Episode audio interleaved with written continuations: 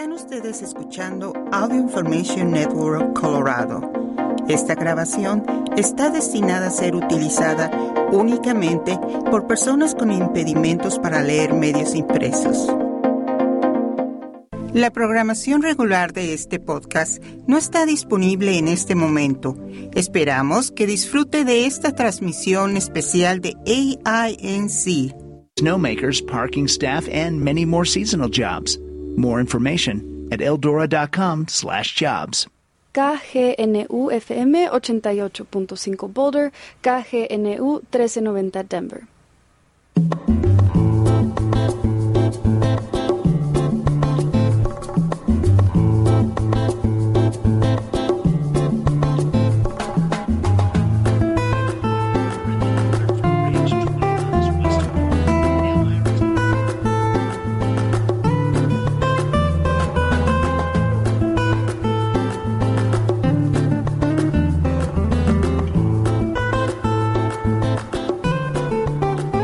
Welcome to Pasa la Voz, a radio show conducted in Spanish, which hopes to reach not only native speakers, but Spanish students looking to practice their skills. Our goal is to be a bridge between our communities and the resources available for their development and integration.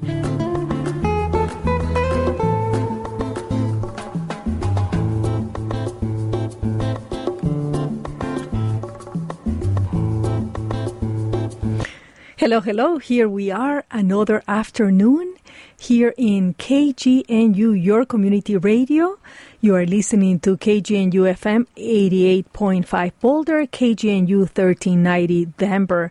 And here it is another Sunday with Pasa la Voz, our show in Spanish for our community.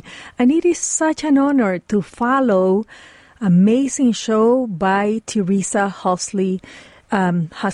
She produces such beautiful content, and I just feel honored to be able to follow up con nuestro show en español el día de hoy. Y este es un show muy especial que les tenemos preparado porque hemos ido, como nosotros nos gusta siempre, hemos salido a,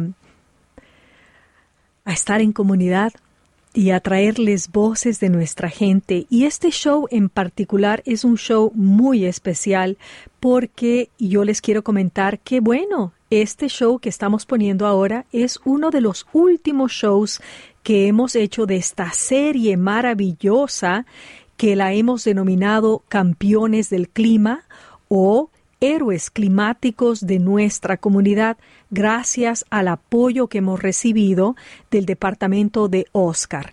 Entonces, y el departamento de Oscar, pues, es el departamento de medio ambiente y resiliencia aquí del condado de Boulder, que nos ha ayudado justamente a traer estas voces. Y el día de ayer yo tuve la oportunidad de estar en una celebración maravillosa porque una organización creada hace siete años que se llama Flows, ahí en la Universidad de Colorado, pues se, se celebró en grande porque esta organización pasa de ser una organización fundada en la Universidad de Colorado y también apoyada por el gobierno de la ciudad a convertirse en un non-profit, es decir, a ser libre y a dar más servicio a nuestra comunidad y tener más injerencia. Y es con esa celebración que el día de hoy quiero empezar. Es en inglés, así que estamos ahí todos reunidos y ustedes van a escuchar a, Gabri a Michelle Gabrieloff Parish justamente hablando de lo que es Flows, luego de que un grupo de personas, más de 20 personas, se reunieron a celebrar esto. Así que la vamos a escuchar ahora y luego ya una entrevista formal de su caminar y su experiencia aquí en Boulder y su ayuda y su iniciativa climática. Ahí vamos. Gabrielov Parish, hija de Alexandra Eloni de Palau y de Gabrielov from the lands of also the Muisca in Colombia, but also Bukharan Jews in Uzbekistan and Syrian Jews in Syria, um, where we basically had no one left. Um, I, what's my relationship with flows? I'm a big fan. um, and I accidentally founded it at the university. Um, which the story, really quick, is like, you know, we were helping make this stadium net zero water, which is a really big deal. It was the first time in the country. And in part because of my work, you know, we I had been saying you can't do anything in sustainability without equity. And they were like, what's the equity piece of this project? And they kept coming up with ideas. And they is like, you know, the administration, the athletics people, the funders, which I think was um, Wells Fargo. And um, they'd come back to me and be like, we have an idea. And I would just be like horrified and embarrassed by the idea. And I'd be like, we absolutely cannot do this. It is terrible. And um, after like three times back and forth, they were like, well, why don't you just do something and we'll just give you the money? And I was like, okay, that sounds like a good idea. And I wanted to um, partner students and frontline community members to work together to help bring our carbon footprint, our climate footprint, our water footprint in line with the values that I know our community already has. Like, most of us consume more and waste more because we're here in the States and because we're in these systems that are really wasteful. And that does not match where we come from and who we are. And um, this project is also really born from like Anjala in India, and you all probably use this the, the L word a lot more than I do of um, love. But really, this came from um, a love of our community, um, which seemed like a really radical act in these spaces that I was in, where we were only seen of as inferior, as not understanding climate. I'm like, you think we don't understand it? You guys caused climate chaos.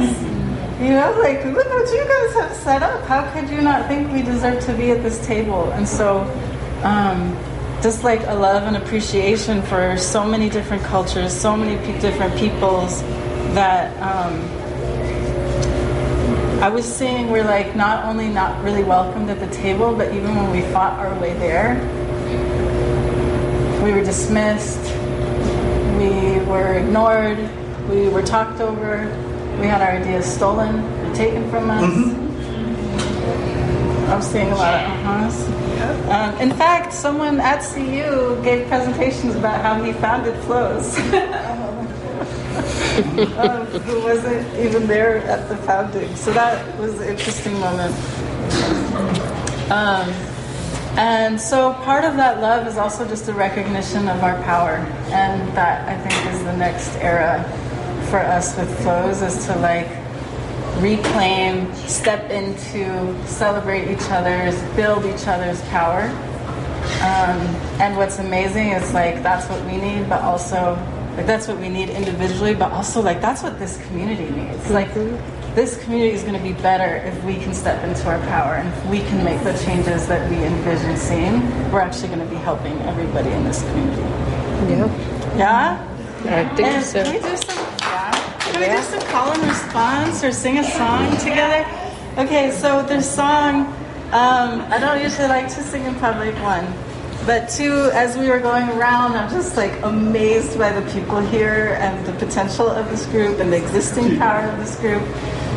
Um, this song came to me that um, was taught to me by a woman who works in um, Canadian prisons, and um, this was a song that um, incarcerated women of color in Canada developed.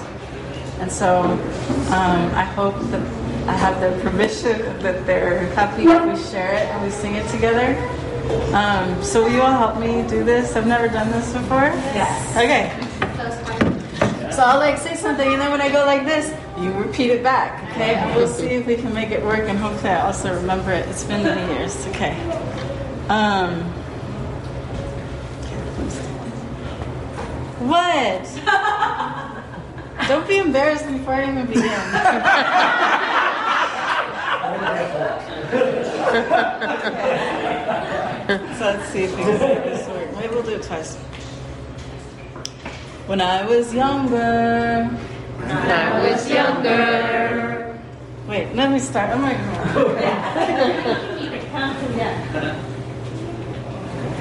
Yes. When I was younger, When I was younger, people told me People told me that I was wrong to be strong. that I was wrong to be strong. now I'm older, But now I'm older. and I wonder. And I wonder. I've been giving away my power for so long. I've been giving away my power for so long. And I'm taking it back. And I'm taking it back. I'm taking it back. I'm taking it back. And I'm taking it back. I'm taking it back. I'm taking it back. I'm taking it back. And I'm taking it back, back, back because it's mine. And I'm taking it back, back, back because it's mine. When I was younger, When I was younger, people told me hmm. Están escuchando, you are listening to a live presentation yesterday. Sí, una presentación justamente con Michelle Gabrieloff Parish, reunida en un grupo de personas ahí con flows festejando. Bueno, ella hace un tiempo ya vino organizándose y creó Once and Future Green y ella es nuestra campeona o héroe climática y entonces yo quería mostrar el día de hoy trayéndoles este pedacito en inglés tan poderoso porque la comunidad ayer era una comunidad muy diversa. Teníamos personas de todas partes, de Nepal, también habían personas indígenas, también habían personas de Japón. Y entonces esta, comunica, esta comunidad tan poderosa, tan diversa, luchando por el clima. Y entonces eh, les he traído esto para luego ya entrar a la entrevista en español que les tengo preparada. Y aquí está entonces la entrevista con Michelle Gabrieloff Parish y aquí está su servidora Rosana Longo Better y usted está escuchando Pasa la Voz.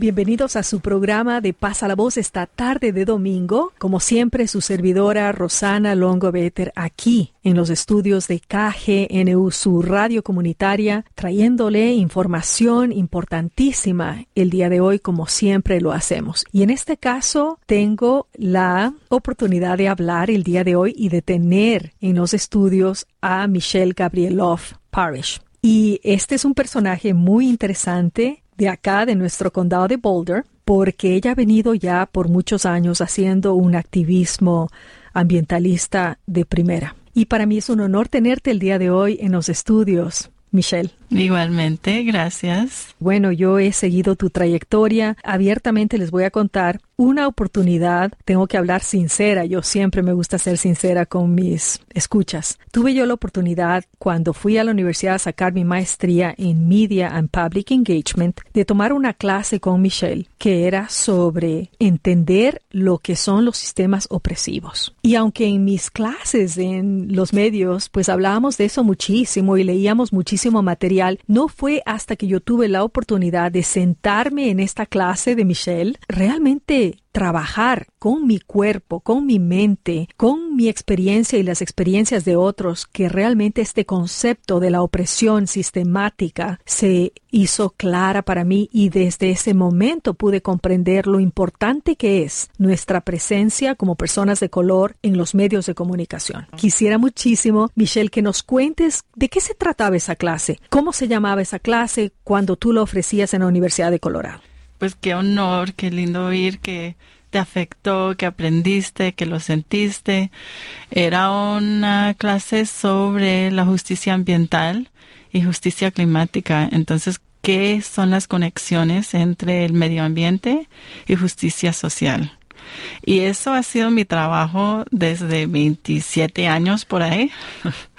y eso es lo que estaba haciendo en la universidad, pero también antes y también después que ha trabajado ahí. Y también para decir que muchas veces nuestras comunidades no son parte de las decisiones, de los movimientos aquí en los Estados Unidos de uh, cuestiones del medio ambiente, del clima, de todos los cambios que están pasando, aunque nos importa mucho. Y para el pueblo hispano, pueblo latino, le importa mucho qué es lo que pasa con el aire, el agua, la tierra, la comida, nuestras comunidades, energía, todo eso, pero cuando ves el movimiento del medio ambiente en los Estados Unidos no nos ve mucho, aunque somos líderes.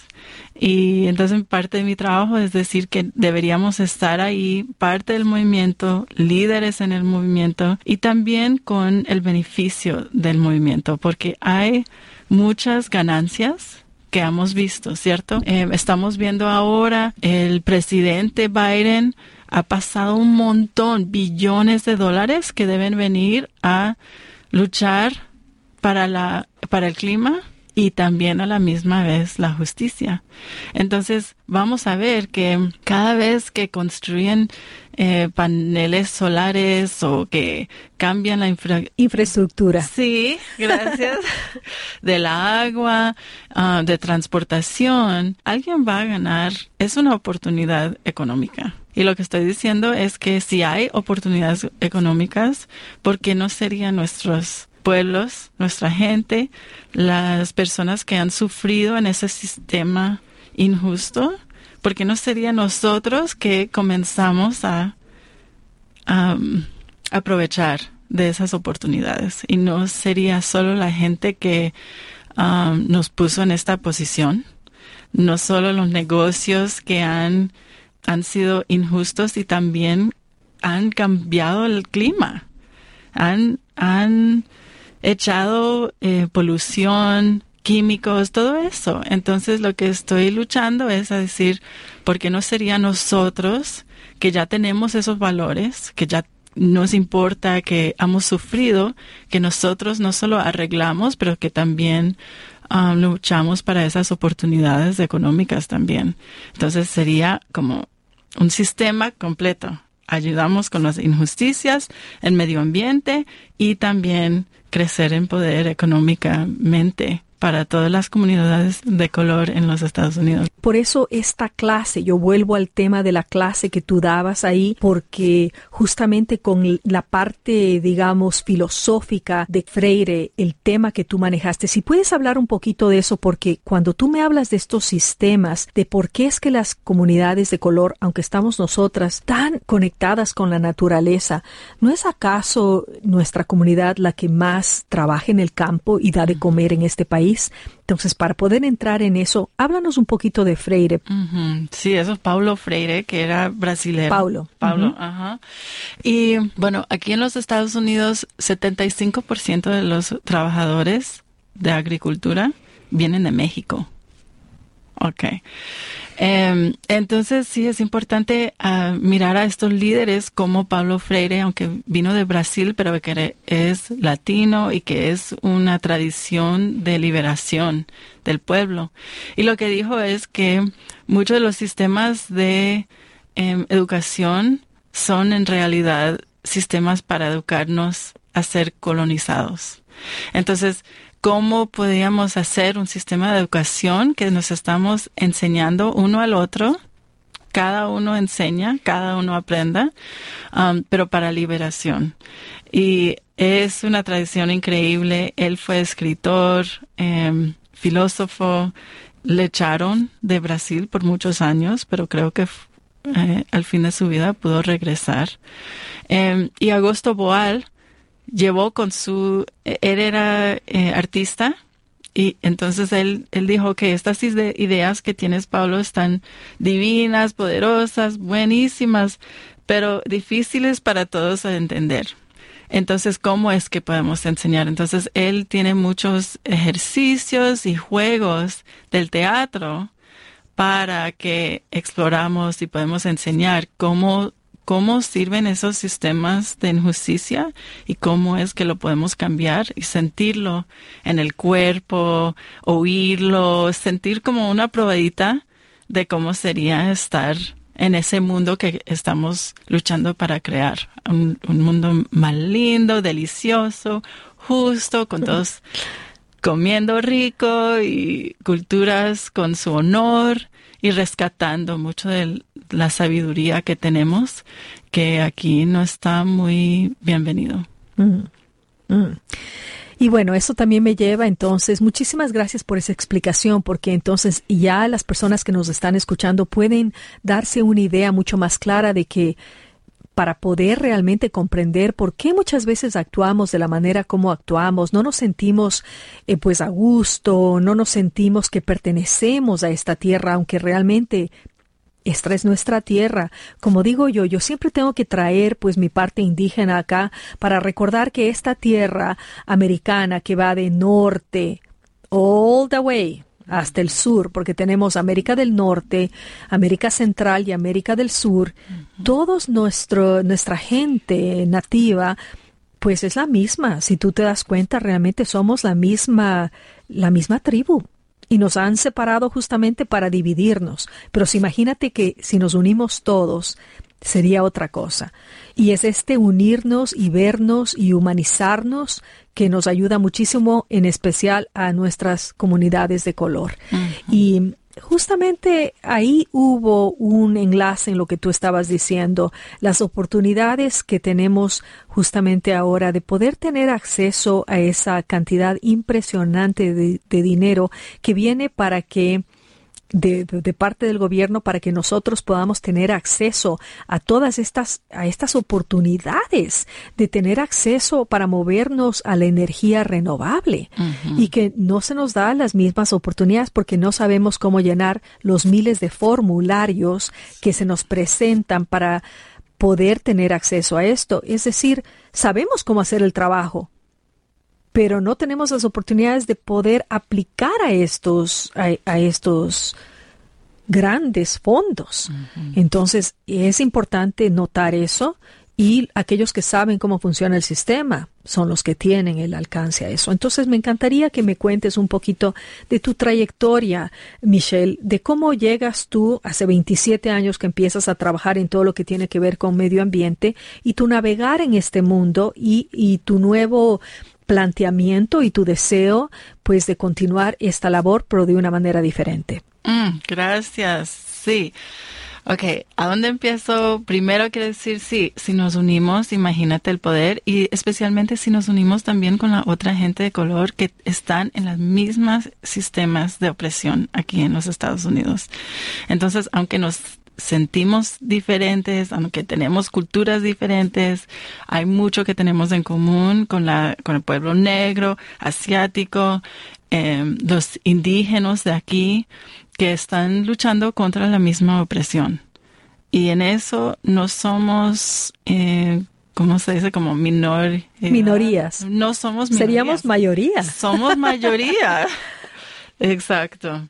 Y sí, ¿qué tal este momento con el presidente que ha notado que justicia ambiental es importante y que sabe que una de las formas que se ve el racismo en los Estados Unidos es en las leyes y las prácticas ambientales. ¿Quién es que está em, respirando el aire mal? ¿Quién es que vive cerca de las em, fábricas con químicos, con todo eso, con problemas en la, el agua. ¿Quién es el que em, trabaja con los pesticidios? Y todos esos sistemas. Entonces, como le digo, sí, hay billones de dólares para arreglar las cosas por el clima y dicen que de todos esos billones de dólares, 40% tiene que ir a justicia. Y quiere decir casi la mayoría de eso debería, ir a las comunidades de color. Ok, pero tiene razón porque no hemos tenido acceso a esos sistemas hace cientos de años. Entonces, muchas de nuestras organizaciones, nuestros líderes, no tenemos cómo, cómo em, alcanzar esos fondos, cómo las aplicaciones son increíbles, largas. Muchos de los fondos tienes que tener el dinero y después te repagan lo que ya gastaste. Entonces, tienes, si vas a lograr un millón de dólares, diga, tienes que tener un millón de dólares, gastarlos y después te repagan ese dinero. Entonces, parte de mi trabajo es trabajando aquí y también por todo el país con organizaciones del um, de color, grupos de comunidades que han sufrido, que están tratando de lograr esos fondos, que es difícil. Y en eso estamos trabajando, como digo, por todo el país, pero aquí también en Boulder. Entonces estoy trabajando en un proyecto que solo apenas um, va a empezar a ayudar el condado a ver cómo puede, pueden uh, hacer que esos fondos serían más accesibles para nuestras comunidades. Entonces les estoy ayudando, estoy consultando con ellos a decir, ok, ¿cómo es que puede lograr unos de esos fondos federales y cómo es que pueden ir a nuestra comunidad. Y quiero decir que es muy importante que no solo nos dan cosas gratis, porque creo que eso es lo que piensan que queremos, ¿ok? No queremos paneles solares gratis pues sería bueno, ok, ahí empezamos. Pero lo que queremos es decir, ¿quién, quién son los dueños de esos esos negocios que están instalando ese solar. Yo quiero saber cómo es que nosotros podemos hacer eso. Porque a la larga, la, fin, eh, la verdad se tiene que decírsela aquí en nuestros estudios de KGNU. Les recuerdo que está escuchando a KGNU, su radio comunitaria, acá en Boulder, 88.5 FM y 1390 en Denver. Miren, lo más importante es decirlo aquí. Si nuestras personas de color son las que mayormente están instalando los paneles solares, ¿por qué ellos no pueden ponerse su propio negocio para ellos mismos, instalar porque ellos ya son expertos en instalar estos paneles solares, porque ellos no tienen un negocio para hacerlo y tienen que trabajar para otra persona que obviamente les va a pagar una cierta cantidad, pero que el rubro de, de ganancia lo van a tener ellos y nosotros no. Así de realista es la cosa. Esto es algo que se repite una y otra vez. Así que yo creo que estás hablando de algo que nuestros escuchas comprenden muy bien. Sí, en eso y también cómo puede ser que lo podemos hacer con otro modelo como cooperativas. Entonces, puede ser que sí, algunos de nosotros son dueños de negocios que están instalando solar. Pero ¿qué tal si es cooperativa y que mm. toda la comunidad gana cuando ese negocio gana? Entonces, eso también es parte de lo que estamos mirando y no solo con energía, pero con proyectos de agua, proyectos de tierra, de landscaping, em, todos los sistemas que tienen que cambiar aquí en esta, este país para crecer la resiliencia de todo el mundo y para ayudar que estamos en un crisis en realidad. Y estamos hablando al fin del COP28, 28, que es, es la, es una esfuerza a ver cómo es que podemos a trabajar con, con todas las naciones hacia combatir los cambios climáticos. No sé qué decir, por eso me no, eso es un, poco punto... despacio porque no va tremendamente bien. No, para nada. Sabes lo que acabas de traer a la mesa ahora es algo muy importante.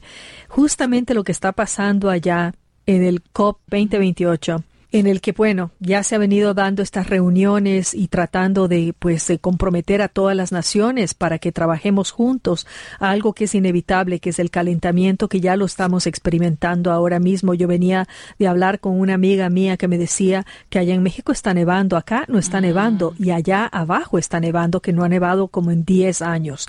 Entonces, estos cambios ya los tenemos ahora y tienes toda la razón escuché acá también en Democracy Now una entrevista que ellos estuvieron ahí cubriendo esto en el que decían claramente, esta conferencia acá, este summit acá está lleno de todos los que están haciendo negocio con el petróleo. Ellos son los que están hablando, están haciendo negocio ahí a un nivel de millones, de millones, de billones de dólares y realmente no hay espacio para la gente normal, común y corriente que somos nosotros los trabajadores sino que están hablando de corporaciones gigantescas con dineros que nosotros ni siquiera nos podemos imaginar.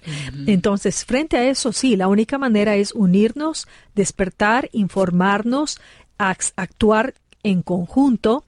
Y tú me traes esta imagen, la imagen de la minga en mi país, Ecuador, en donde todo el mundo el fin de semana y está establecido que todos los que viven cerca del Chaquiñán, que es el agua que corre, tienen que ir y limpiar su parte. Todos tenemos que hacer nuestra parte porque si no, el agua no fluye y esto no funciona. Entonces, ese concepto indígena nuestro de vivir en colectivo, que si Michelle no está bien, yo no estoy bien. Si Rosana no está bien, Michelle no está bien. Es irnos lejos de todo lo que es el individualismo y pensar de una manera colectiva. Entonces, cuando me, me dices que la idea sería poder crear este concepto de colectivos, de comunitarios que nos protegemos, esa es la esencia misma de este lugar en donde estamos ahora, que es la radio comunitaria. Aquí todos, pues, colaboramos. Esta radio, esta emisora se corre o, o, sale al aire gracias a todos los voluntarios que formamos parte de esta institución. Y es ese poder porque una cosa es trabajar acá, pero la otra cosa es ser parte, miembro. Eso es poderosísimo. Tienes más voto, diría yo, cuando haces ese tipo de cosas. Entonces, tienes un concepto muy interesante. No, gracias. Me encanta porque sí, eso es un poder, tener un radio que es para y de la comunidad. Y puedes hablar la verdad. Y a veces cuando hay intereses con un montón de dinero, eso es muy difícil. Y eso es lo que estamos viendo en COP28, que aunque es para arreglar este problema que tenemos por todos los países del mundo, ahí están los negocios de petróleo. Y es ese momento, en este momento en el que estamos hablando aquí en Paz a la Voz, es que yo quiero eh, nombrar que justamente por esta manera despierta en la que hablas, you know, ahora hay mucho este movimiento eh, acá que se habla de walk, ok, esta manera despierta de nombrar las cosas como son, es que te hemos elegido a ti como una heroína o campeona climática de acá de Boulder, mm. porque tú hablas la verdad y eso es, no es fácil, justamente cuando tenemos que levantar nuestra voz y decir las cosas que cómo tienen que darse. Y tú que has estado haciendo consultoría debido a que trabajaste, pues tienes tu background, ¿no? Todo tu toda tu creación ahí en la Universidad de Colorado de un movimiento de jóvenes a favor de el agua, pues ya tienes tú una base para dar consejos y ayudarnos a navegar esto tan difícil. Entonces la pregunta sería, ¿a dónde vas a ir y a dónde nos vas a llevar con tu iniciativa y con, tu conocimiento, Michelle, para que seamos poderosos este año que viene? Gracias. Pues primeramente, quiero ser honesta, ha sido difícil.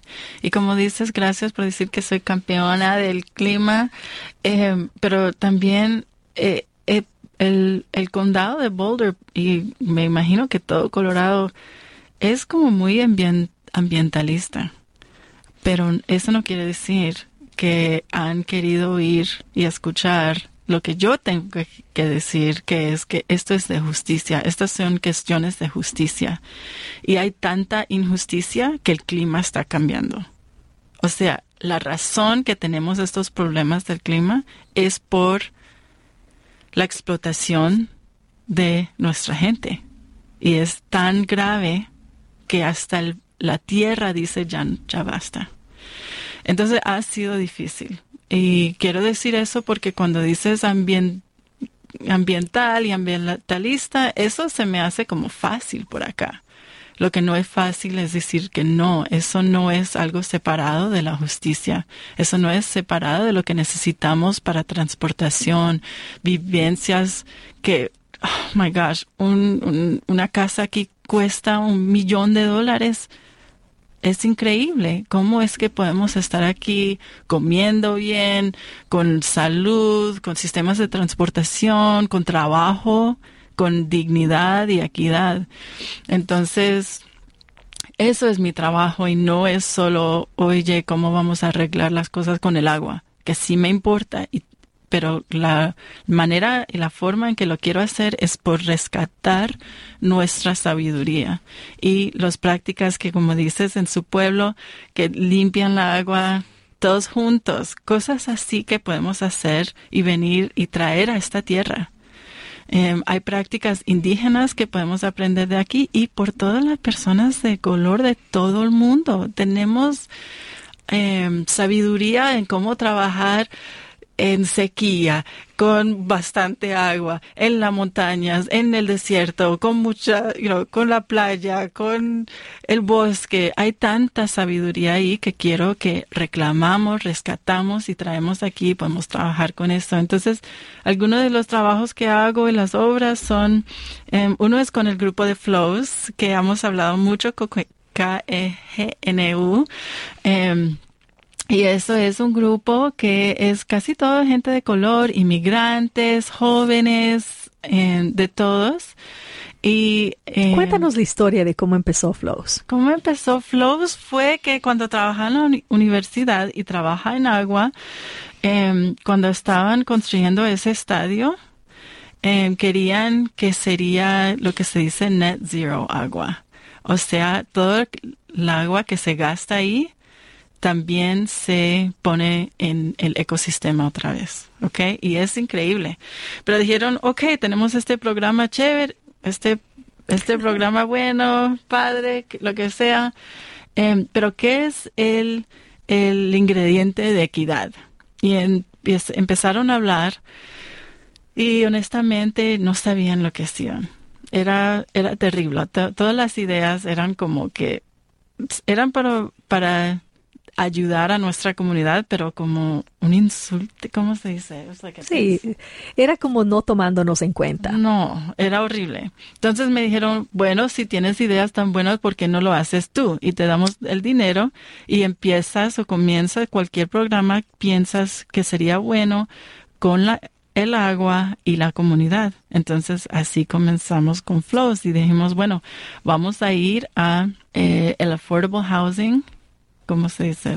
Las viviendas accesibles. Accesibles aquí en, el, en la ciudad. Trabajamos con los residentes, con los estudiantes de CU Boulder y vamos y arreglamos em, las lámparas. Eh, hacemos cosas en la casa para ayudar con energía, agua y también para hacer, hacer limpieza, pero verde, sin químicos cosas así. Es como el vinagre, por ejemplo, ahora que dices eso, yo uso el vinagre para todo.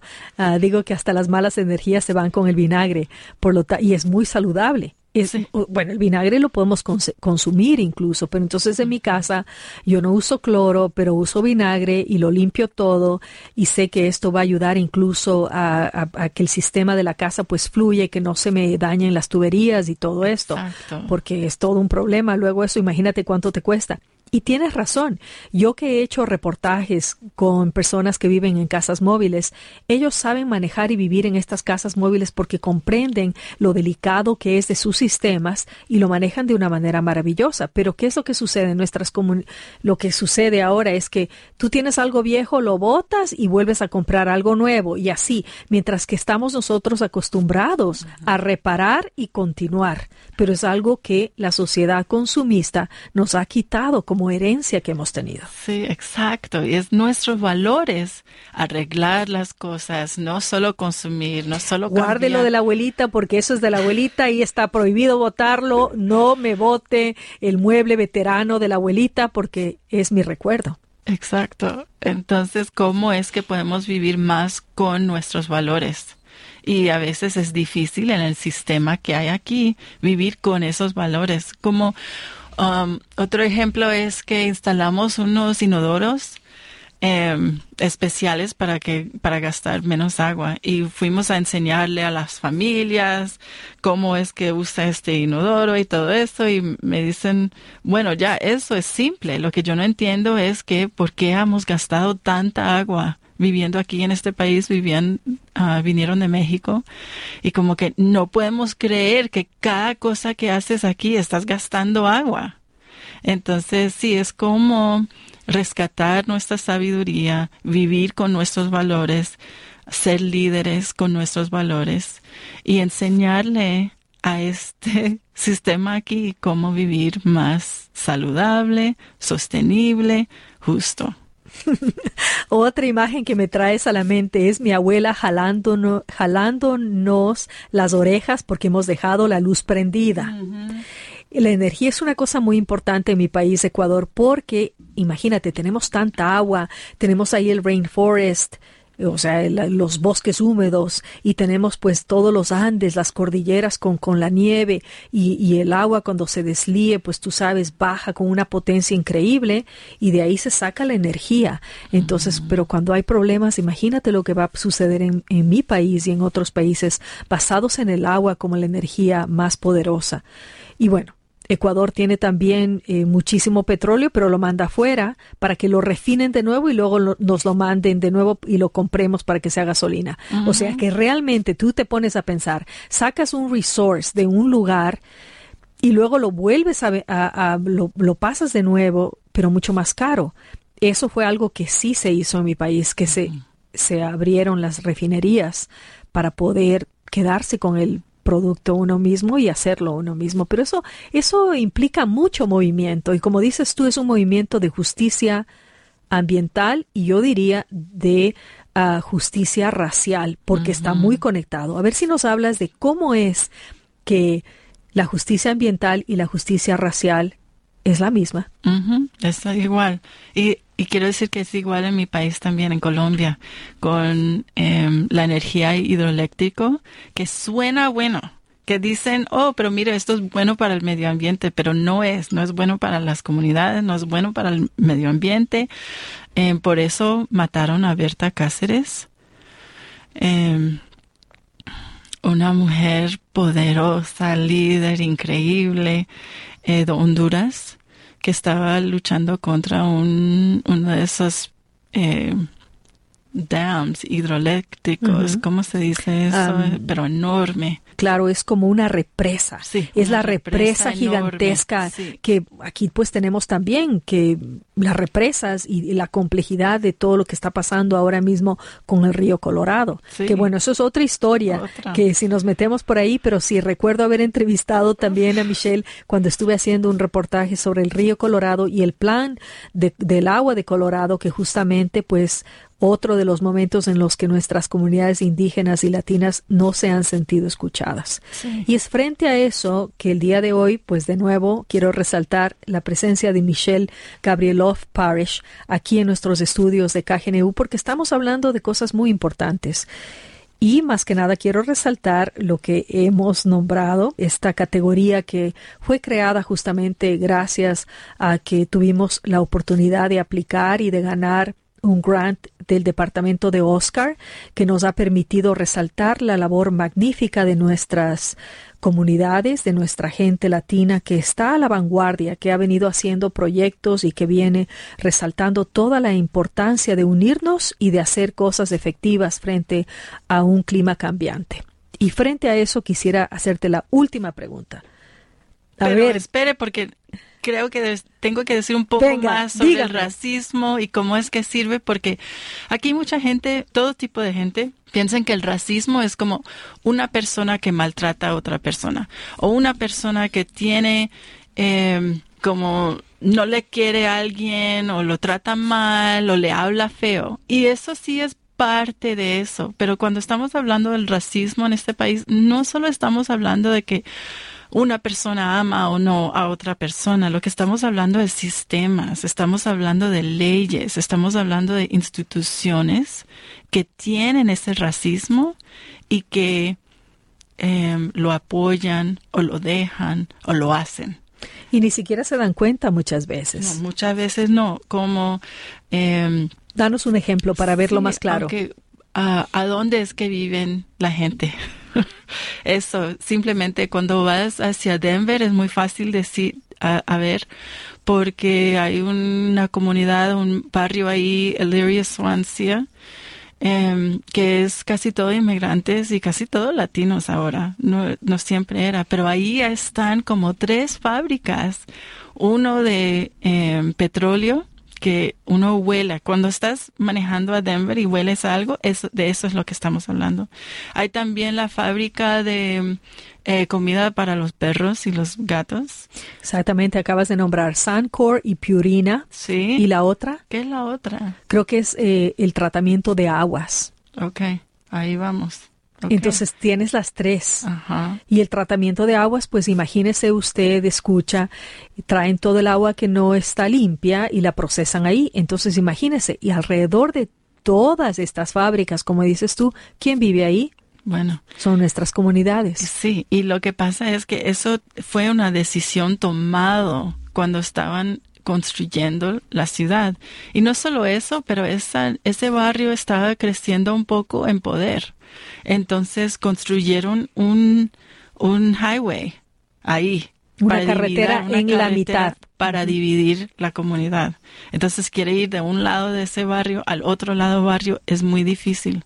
Es muy difícil para los niños que tienen que ir a la escuela y están ahí respirando todo eso lo que viene de Suncor, que es feísimo y Suncor lo sabe. Denver lo sabe. Dicen que es uno de los em, los zip codes en el país, un barrio de todo el país en los Estados Unidos. Dicen que ese es el que tiene la más polución en el país. Entonces, hay muchos, muchos sistemas, digamos, con transportación que eh, es difícil por acá, como en Colorado. El, sistema de transportación público es terrible, ¿cierto? Pero si vives en un, un barrio más blanco y con más dinero, es fácil ir al estadio en Denver, ir a las cosas como culturales, divertidos. Para eso sí hay transportación. Pero si es que vives en un, un barrio más pobre, para ir a su trabajo, para eso no hay transportación. Entonces, eso es otra, otra forma de esos sistemas que son casi invisibles. De verdad son invisibles para ciertas personas y no para ciertas personas. Pero esas decisiones muchas veces se toman eh, invisiblemente para nuestras comunidades, sin acceso, sin interpretación o con leyes que que son para 50 años. Entonces muchas de esas, esas decisiones están tomadas hace 50 años y es difícil cambiarlas si no es en ese ritmo de 50 años. Entonces yo creo que es difícil para ver esos sistemas y por eso la gente piensa que el racismo es más como el maltratamiento de otra persona. Y eso sí es parte, pero la gran parte es que tenemos sistemas aquí que apoyen a un sistema racista. Y eso es más difícil hablar, eso es más difícil a, ver para muchas personas y, y, por eso es que tenemos que hablar, enseñar uno al otro y investigar un poco más, solo, no solo nuestra experiencia, pero como la experiencia de todos nosotros. Entonces, sí, eso es parte mm. del trabajo y... Totalmente, totalmente. No, y muchísimas gracias por pararme, porque este es el tema central, digamos, el racismo ambientalista y real que se da. Y yo puedo también, desde mi punto de vista, hacer una reflexión aquí que es cuántas personas que son personas de color están en los medios de comunicación, muy pocas. Y eso también entonces es la cuestión de representación. ¿Dónde está nuestra gente? ¿Qué es lo que está haciendo nuestra gente? ¿Y cómo pueden nuestras personas ser las voces activas de nuestras comunidades para ser representadas, porque necesitamos tener voz y voto para poder cambiar todo esto. Y, frente a eso, está cambiando un poco. Eso está cambiando, pero nos tenemos que unir. y estás ayudando en eso, eso es lo que estás haciendo. Entonces, muchas gracias y mm. buen trabajo. Gracias a ti. Ha sido increíble. Gracias a ti también. Y cuéntanos este nuevo movimiento. O sea, no es nuevo, pero Flows, a ver si nos puedes contar brevemente, porque yo sé que van a haber cambios para esto que iniciaste hace años y que se vienen pues con las ayudas y con el apoyo tanto de la universidad como del gobierno de acá, de Boulder, y, eh, y, y que es, lo digamos, es lo voy a decir, son reparaciones. Esta palabra que se utiliza muchísimo en inglés, reparations, because we need to we need to ask for what we need necesitamos reclamar y necesitamos que se nos haga justicia. Eso parte de la razón que creo que es increíble que el gobierno de los, Estados Unidos está diciendo, bueno, 40% de estos billones de fondos tiene que ir para hacia la justicia. Es para reparación. Están diciendo, si vemos que hemos, les hemos hecho de daño y lo queremos reparar mientras arreglamos las cosas con el clima y el medio ambiente. Y por eso ahora se abren las oportunidades para comunidades indígenas, comunidades latinas, comunidades negras, comunidades asiáticas, para tener acceso a estos fondos. Entonces, escuche bien. Eh, tiene que unirse con las comunidades y con las organizaciones y crear de alguna manera organizaciones nuevas unificadas para que podamos aplicar a esto. Exacto. Entonces, si te interesa, venga a Flows. Queremos apoyar a los miembros de Flows, empezar su propia organización. Ya se ha hecho. Eh, tenemos Harvest of All First Nations con Andrea Yolo Newaji, que ella era un, ella es un miembro de Flows y comenzó con su propia organización. Todavía trabajamos juntas, nos apoyamos una a la otra. Queremos ver más de eso. Entonces, si te interesa, por favor venga, sea miembro de Flows. Em, comenzamos pues em, con la semillita en 2016, entonces ya hace siete años. Em, que va a este programa y en este año entrante, en marzo, nos vamos a ir de la universidad y tener nuestra propio, propia organización, que es un momento grande para nosotros y que queremos apoyar a la comunidad, aprender, rescatar y reclamar esta sabiduría del medio ambiente, cómo van las cosas, cómo es que trabajamos con agua en un, un clima como que tenemos aquí, seco cómo es que trabajamos con agua, podemos arreglarlo y, um, y hacer oportunidades económicamente a crecer para, hacer este trabajo con el agua, pero también para reclamar nuestro poder económico también. Entonces eso es parte del trabajo de Flows. Em, eh, trabajamos mucho con el agua, con la comunidad, entrenamientos, todo eso.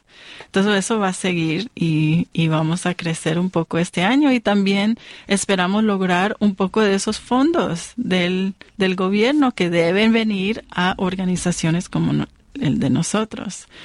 Em, que ya tienen siete años trabajando, haciendo la labor, que puedes mostrar que han iniciado en la universidad como parte del currículum de los estudiantes, que también tiene su lado en el gobierno para poder tener acceso y poder dar el servicio que se necesita para nuestras comunidades.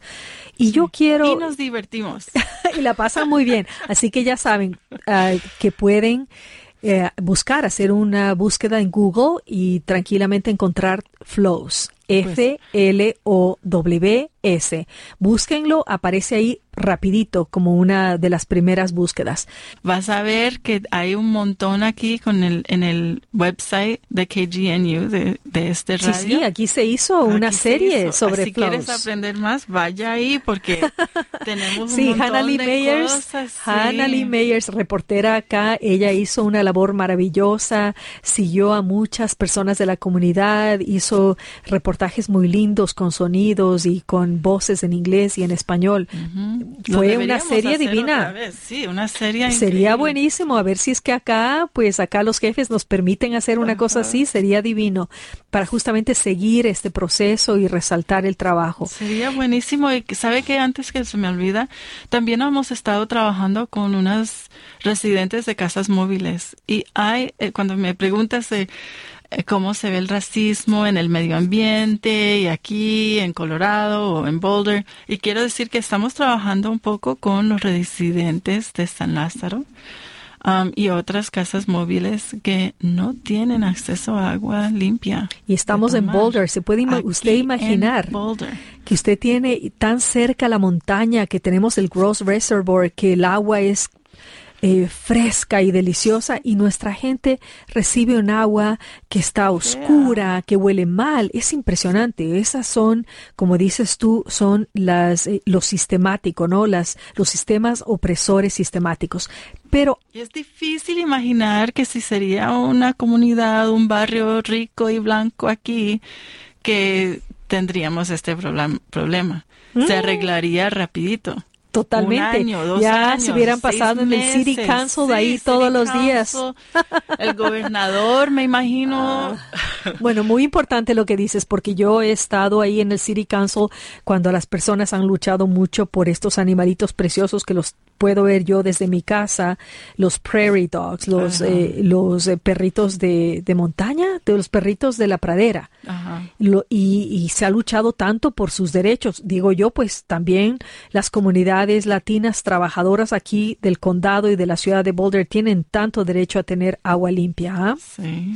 Es algo que se, se va a tener que luchar. ¿Qué Pero hay algo eso? importante que no quiero que se me pase, porque yo sé, Michelle, que tú, aparte de todo lo que has venido haciendo, también has experimentado en carne propia el susto más grande, que es haber tenido que evacuar tu hogar debido al Marshall Fire.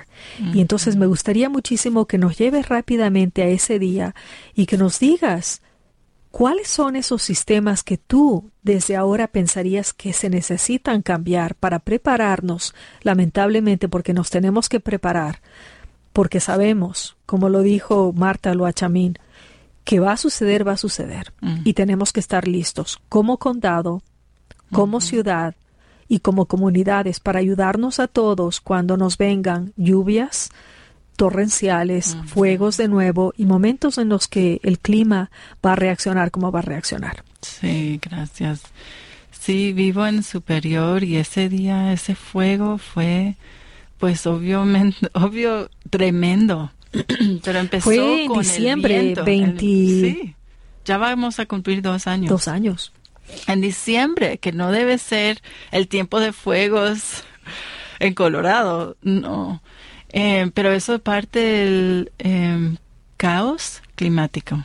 que es caos? que es que uno no puede pensar que eso va a pasar y después pasa en diciembre un fuego así de ese tamaño y que era era era no solo fuego pero era como era con el viento entonces sí vino ya por ahí a cuadra y media de nuestra casa que es nada cuando el viento está a 90 millas a la, a la hora Em, pero sí se paró ya al otro lado de la calle de nosotros y no sabíamos. Esa noche mucha gente nos contaron que se había um, nos había muchos error, errores porque no sabían, nadie sabía qué es lo que está, no podemos estar ahí. Habían em, como cámaras que gente que tenían en su casa, de eso el ring en, en la puerta que se mostraba que se estaba quemando nuestra casa, pero no era era el fuego detrás de la casa, pero no se podía notar en esas en esos videos. Entonces pensábamos que ya se ha ido la casa. Qué tremendo. Qué tremendo ese sentimiento que de repente, en cuestión de horas, todo, No, todo cambió. enorme, Y era gigantesco, o sea, las fotos son impresionantes y por eso yo quería muchísimo también hacer esa reflexión porque frente a esa realidad es que nosotros tenemos que prepararnos y todos vamos a ser afectados. Entonces, volviendo a ese día tan nefasto, ¿cuáles son las tres cosas que tú recomendarías que nosotros hagamos, tanto como gobierno, como comunidad y como personas que vivimos en este lugar tan precioso que es Boulder, pero que también pues está mucho más propenso a estos cambios climáticos, a este caos que dices tú?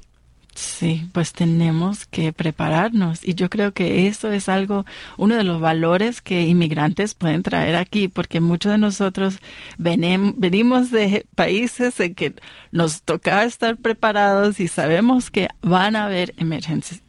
Y es increíble a mí que aquí Una de las cosas es las velas. Mi abuela tiene que tener vela y sí. también lámpara, Lanterna, linterna, y también tiene que tener una comida, estufa para poder cocinar si no tiene la electricidad, si no tiene el gas. Vea. Sí, entonces prepararnos y y por qué no es el país más rico en todo el mundo, no nos podemos preparar y y um, trabajamos un poco con una líder increíble, em, Isabel Sánchez, que está ayudando a la gente um, prepararse y también crecer su resiliencia en esos momentos. Em, y lo que esperamos hacer es trabajar con ella hacer un programa así, pero como más por un barrio que para una persona. Isabel es lo máximo. Yo estuve en su clase y su clase fue Oh, maravillosa y ella nos daba pues todos los instrumentos importantes para poder sobrevivir y ella lo ha hecho. Es Sí. decir, ella ha pasado por estas experiencias. Esta es una clase que deberíamos tomarla todos, sin excepción. Ok, entonces prepararnos, tomar esta clase para ver qué es lo que necesitamos hacer. Y hacerlo por un barrio. Entonces, bueno, Isabel te ayuda como, como una persona, cómo puedes accesar, accesar, Accesar a todas a estas- energía. a Bueno, energía. Si hay emer- emergencia. Lo que yo digo es cómo hacemos para que este barrio pueda Ujú. accesar energía si hay una emergencia. Y comunicarse. Y comunicarse, tener comida. Ahí nos daban un medicina. radio, nos daba un, mira, nos daba un radio, nos daba un baño, nos daba Sí, eh, sí, una lista entera. Entonces, esta es una, y viene de ella, Sí. de una mujer cubana, inmigrante,